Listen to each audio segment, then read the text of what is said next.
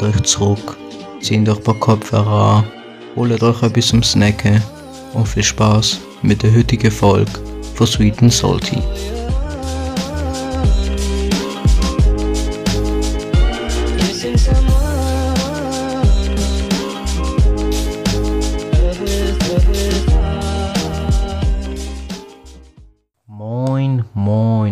Willkommen zurück nach so langer Zeit. Ich hoffe, ihr habt das Intro vermisst. Und ja, was ist passiert? Wie geht's weiter? Das und noch vieles mehr werden wir in diesem Podcast heute behandeln. So, zur ersten Frage, wieso haben wir so eine lange Pause gemacht? Erstens, wir haben einfach keinen Bock keine Zeit gehabt. Es war noch Ferien, über die werden wir heute auch noch sprechen. Skiferien. Und wir haben uns jetzt vorgenommen, alle zwei Wochen immer einen Podcast rauszubringen, weil das für uns einfach viel besser ist, für zeitlich. Ja, wegen Schule vor allem. Und ja. Also Pietro, was hast du in der Ferien gemacht? ja, in der ersten Woche bin ich mit Theo und Antonio in Skiferien gegangen, go Skifahren in Venat. Also in Venat haben wir das Haus gehabt, dann sind wir ins Kohl go Skifahren, Skigebiet Kohl. Und in der zweiten Woche bin ich daheim gewesen und habe halt Basketball gespielt, daheim gechillt und ja. Ja, bei mir natürlich, weil sich denkt, erste Woche mit Pietro und Antonio Skifahren gegangen, Spaß gemacht, äh, ist eigentlich lustig gewesen, einfach Toni ein bisschen abgefuckt. Spaß, Toni, beruhig dich. Nein. Und zweite Woche bin ich eigentlich auch daheim gewesen und dann bin ich noch äh, zwei Tage mit dem Telgo Skifahren. Hat auch noch bockt. Und ja, jetzt ist wieder Schule. Leider. Leider. Was ist sonst eigentlich noch passiert in der Zeit? Ich glaube gar nicht so viel eigentlich. Es hat mal ein Apple-Event gegeben. Ja, es ist nichts ganz Grosses rausgekommen. Irgendwie. Ich habe nicht richtig mitbekommen, Apple-Event. Da kommt eh wieder. Apple ist eh lame, also von dem her. Es kommt nie irgendwie etwas richtig Geiles Neues raus. Also das, was ich finde, was am besten gerade rausgekommen ist, ist die neue Färbung vom iPhone. Jetzt geht es in grün. Was ist sonst noch rausgekommen? Keine Ahnung mehr, schon lange her. Ich glaube, irgendwie iPads haben einen neuen Chip oder so etwas. Ich glaube, ein neuer iPhone SE ist rausgekommen. Also immer die mit Knöpfen, weißt Und ja, nichts Spezielles habe ich in Erinnerung sonst. Sonst ja, Benzinpreise noch äh, gestiegen. Aber ich kenne mich da jetzt auch nicht wirklich aus. Ja, auch nicht. Eigentlich wollte ich mal irgendwie auf einen TÜV oder so sparen, aber irgendwie jetzt habe ich doch noch weniger Bock. Das kostet Benzin mehr als TÜV. Ja, gefühlt. Das Einzige, was sich lohnt, ist irgendein E-Auto wie Tesla oder so. Aber ich will auch jetzt nicht in naher Zukunft irgendwie Auto fahren. ja. Im Moment Apropos braucht Tesla, ich habe mal gehört, ich weiß nicht, ob es stimmt, kann nicht versichern, dass Teslas in ein paar Jahren irgendwie wie so E-Scooter in Basel benutzt werden. Also man kann sie dort mieten und irgendwie für eine Stunde benutzen, dann einfach irgendwo gut pa- parkieren. Also ja, keine Ahnung, ob das stimmt, aber ich hoffe mal nicht, weil ich würde mir schon lieber Tesla gönnen, anstatt irgendwie so ein Dieselauto. Ja, du kannst es sicher noch gönnen. Auch wenn die zum Mieten sind. Ja, weiß nicht. Was, wenn sie nur zum Mieten sind? Keine Ahnung. Ich weiß nicht mal, ob das stimmt. Das Ja. sehen wir dann. Ich hoffe mal nicht, ja. Das war eigentlich alles, gewesen, was so an News geht. Ja, außer das noch mit Ukraine, Dritter Weltkrieg. Aber da schauen lieber Mr. Wissen to Go oder so oder andere YouTuber, Ja, die sich besser auskennen als wir. Genau. Dann kommen wir zu entweder oder. Intro, let's go!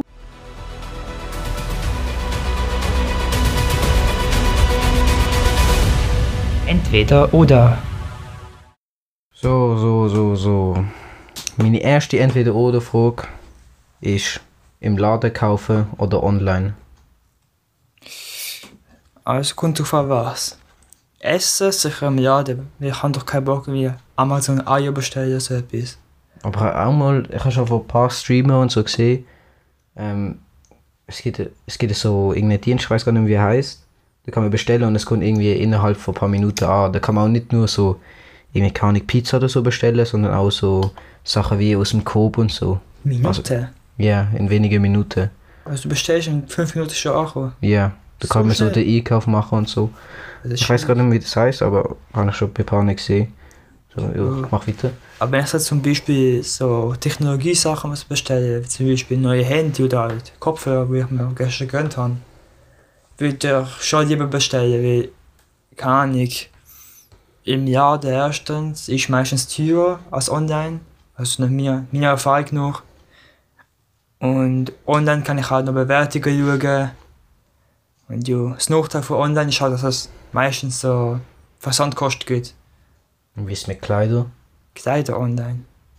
Hm. Auch außer ich will etwas Spezifisches geholt, zum Beispiel der Pulli da, und ich weiß, wo es geht, dann gehe ich schon dort an, weil ich weiß es halt, wo es das geht und so. Aber wenn ich weiß, ich will mir einfach Hosen kaufen, egal was für Hose, kann ich schnell auf Zalando, schau mir alles an und bestelle mir dann. Aber bei mir ist eigentlich so, zum Beispiel Essen, es kommt davor, wenn man in ein Restaurant geht, ja klar, das ist ein, es zählt eigentlich nicht wirklich ein Laden, Laden ist ja eher so Einkäufe und so. Bestellen, äh, da wir bei unserer Familie eigentlich schon manchmal noch mal eine Pizza bestellen oder so. Essen auch und Kleider, weiß ich gar nicht, manchmal auch bestellen, manchmal im Laden. Im Laden ist halt auch teurer, aber ist halt vielleicht einfacher schauen, ob dir etwas passt. Weil es gibt auch unterschiedliche Schnitte und so, wie die Kleider geschnitten sind. Ja, eben. So. Aber ich würde eigentlich sa sagen, eher online ist eigentlich. Ja, kannst du positiv. kaufen, ja. Und noch ein nice Side-Fact. Äh, Peter hat sich gestern neue Kopfhörer gekauft und die sind schon angekommen. Ja, ja. Gib mal kleines Review, sind die gut? Ja, also habe sie von Antonio empfohlen bekommen. Sehr gut, empfehle ich weiter. Hol doch schwarz, nicht weiß, wie halt schwarz besser Was ist. sind für Kopfhörer? Nothing Ear One, ist keine Werbung. Okay, Also, okay. Dann mach mal dies. wenn du äh, Sponsorship willst, gerne anschreiben, Scheins, geben die uns Sponsorship. wer weiß. Usi Pietro, mach mal du deine erste Entweder-Oder-Frage. Deine Also, erste Entweder-Oder-Frage. erste Frage. Erst lieber, was würdest du lieber nach einem Jahr nicht bewegen oder ein Jahr nicht essen, aber dafür bewegen können? Ah ja, nicht essen, dann Ja. würde ich nicht mal überleben. Jo, du würdest schon überleben natürlich, sagen wir so. Aber hätte ich dann zum Beispiel auch so ein Hungergefühl? Ja, Also einfach ein Jahr Hungergefühl und bewegen oder nicht bewegen und dafür essen können? ja. Safe bewegen, also wenn ich nicht bewegen kann, was will ich machen? Ich kann, kann gar nicht machen, ich kann nicht mal mein Handy heben, um irgendetwas zu schauen. Dann habe ich halt immer Hungergefühl, aber ich kann bewegen, ich kann Sport machen, Ja. ich kann alles machen, alles mögliche, was man braucht. Ja, ich gebe es zu, ist keine gute Frage, aber ja. Deine ist sicher besser. Äh, weiß ich jetzt auch nicht, aber ich habe es eher auf dich bezogen. Eher ein neues Handy oder ein neuer Laptop? Ja, neue Laptop bekomme ich eh vergeben, also jetzt würde ich mir schon ein neues Handy holen. Oh, sorry, gell? Ja. Neue Geburtstag. Handy. Bei Neue mir, Handy. bei mir weiß ich gar nicht, weil mein Laptop ist äh, nicht sehr alt, aber ist auch nicht, jetzt nicht wirklich extrem gut. Und mein Handy ist eigentlich relativ neu. Es geht super.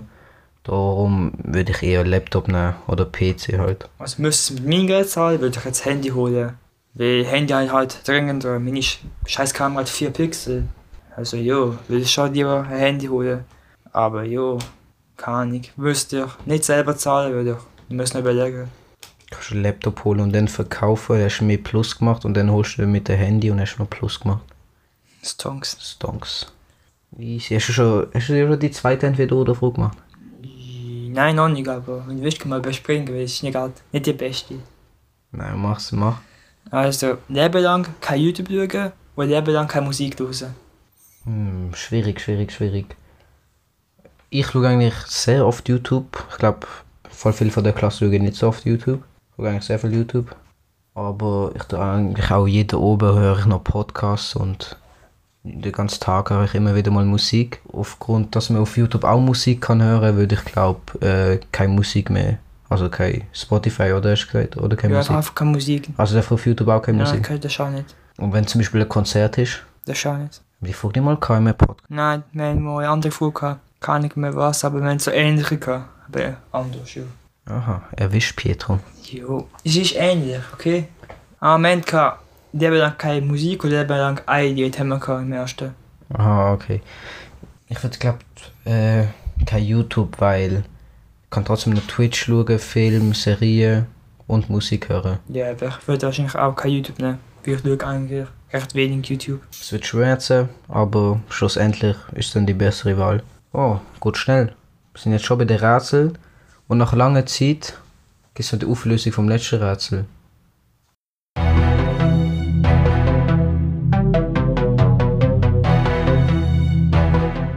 Also, als Erinnerung, der letzte Rätsel ist gesehen, dass mit dem Schiff, ich habe es nicht- so in Erinnerung, wenn ihr es genau hören wollt, geht ruhig im letzten Podcast zurück, das sollte der zweite sein. Aber ich kann jetzt kurz eine Zusammenfassung machen. Es gibt ein Schiff, der Captain wird ausgeraubt und sind- dann gibt es halt Matrosen, Koch und so weiter, wo Und der halt Verdächtige wird gesucht. Genau. Die Matrose sagt halt, ja, ich bin am Putzen gesehen, die andere Matrose sagt, ich bin am Fahnen umkehren gesehen und so weiter. Aber wie schon gesagt, um es genau zu hören, gehen die eben zurück. Und ja, Auflösung gesehen, dass der Fahnenmann, Matrose oder wie der immer heißt, die Fahne nicht umkehren kann. Weil es ist ein Japan-Schiff, also ein Schiff von Japan. Japanische Flagge, wenn man sie umkehrt, ist sie immer noch gleich. Deswegen kann, kann die die Flamme nicht umkehren. Ist also natürlich der Täter. Fivehead. Ja. Okay, okay, dann zum heutigen Rätsel. Als heutige Rätsel habe ich schon sehr vorgeplant. Er hat gar nicht vorbereitet. Weißt ich will immer so machen, wir können schön vorbereiten im Podcast, damit wir äh, möglichst schnell können Aufnahmen machen. Ich probiere heute Rätsel. Also, jo, mein eins machen mit so drei Türen. Spoiler, jo, wir machen so eine drei Tür Rätsel. Und dann Peter so, jo, ich weiß tausende Rätsel. Das erste, was er macht, er geht auf YouTube und gibt irgendwie drei Türen Rätsel ein. Jo, hast vergessen, okay? Aber jetzt weiß ich keiner. Ja, let's go. Also, wie schon gesagt, es ist so eine Drei-Tür-Rätsel. In der ersten Tür, also ist nicht Zimmer, muss rauskommen. Dafür hat es drei Türen. Du musst halt die richtige wählen.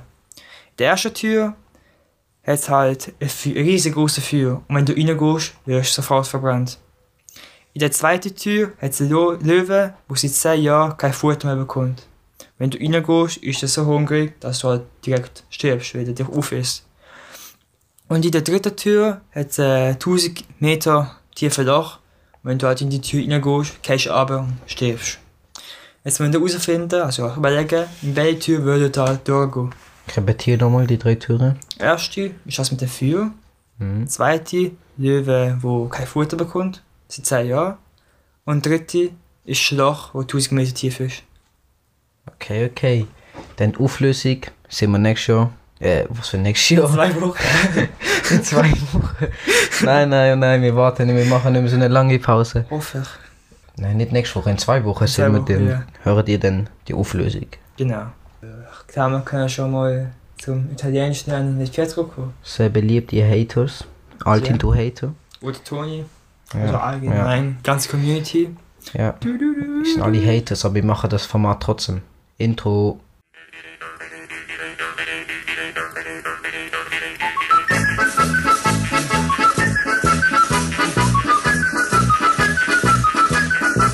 Italienisch lernen mit Pietro.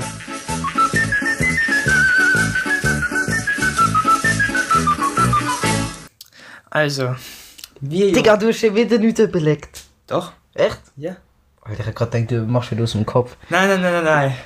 Schon? Also, Okay, okay, okay. wie ihr schon wisst, gibt es in Italien halt so bestimmte Zeichen, die man kennen muss. Was meinst du Um- Handzeichen? Ja, ich weiß nicht, aber die kann man halt sehr gut gebrauchen, wenn man halt was von einer beleidigen will. Wäre es lustig sein. Gell, Julian? Ja. Und ja, ich habe mir überlegt, wir machen dieses Mal ein Zeichen, weil ja Haters sehr viel hated haben über sich verlieren und den Namen sagen. Also haben wir zwei Zeichen für die heutige Folge überlegt. Also für den ersten macht man halt seine Hand unter dem Kinn, also seine Finger, Mhm. Handfläche nach unten, muss halt wie Staub vom Kinn wegwischen. Keine Ahnung, es verständlich ist, könnte man auch mal in der Schule fragen. Von soll man kennen, ja. Und Sorry, Fame. ja. Und der Zeichen halt bedeutet, juckt mich nicht. Also wenn dir eine Person irgendwie etwas sagt und du den Zeichen machst und du den Zeichen äh, machst, dann ist es halt in Assi zu sagen, halt Fresse, interessiert mich nicht. Und ja, der zweite Zeichen ist sehr, sehr bekannt. Das ist halt, habe ich einmal in der Schule gemacht und zwar äh, rechte Hand gestreckt und mit der linken schüttelt man halt schön auf, Auf dem den Gelenk, auf dem äh, Armgelenk. Und das tönt dann etwa so. und das bedeutet halt, äh, Schwanz mache ich das, so etwas. entspannt, viel Spaß beim Brauchen. Ich sehe schon, äh, Pietro wird hops genommen in der Schule. Hey, bitte hatet nicht. Eigentlich haben wir nichts mehr zum Sagen. Hast du noch etwas zu sagen, Pietro? Nein, eigentlich sind wir schon fertig. Ich habe eine Idee, was wir äh, jetzt jeden Schluss vom Podcast könnte machen. Jeder sagt eine Liedempfehlung. Okay, willst du empfehlen? Mm, ich muss kurz schauen, wie es heißt. Warte. Kurz Spotify. Von King von? King von. Junge, der ist King Wong. King Wong. King Wong. King Ah, Wong. was gesagt. Okay, okay. Von King Wong. Also King, wisst ihr, wie man schreibt? Und dann V-O-N. Und das Lied heißt Rich Gangster. Sehr geiles Lied. Fühle ich sehr. Meine Empfehlung ist von Polo G. Suicide, also Selbstmord auf Englisch. Ist auch sehr Lied. Fühl dich.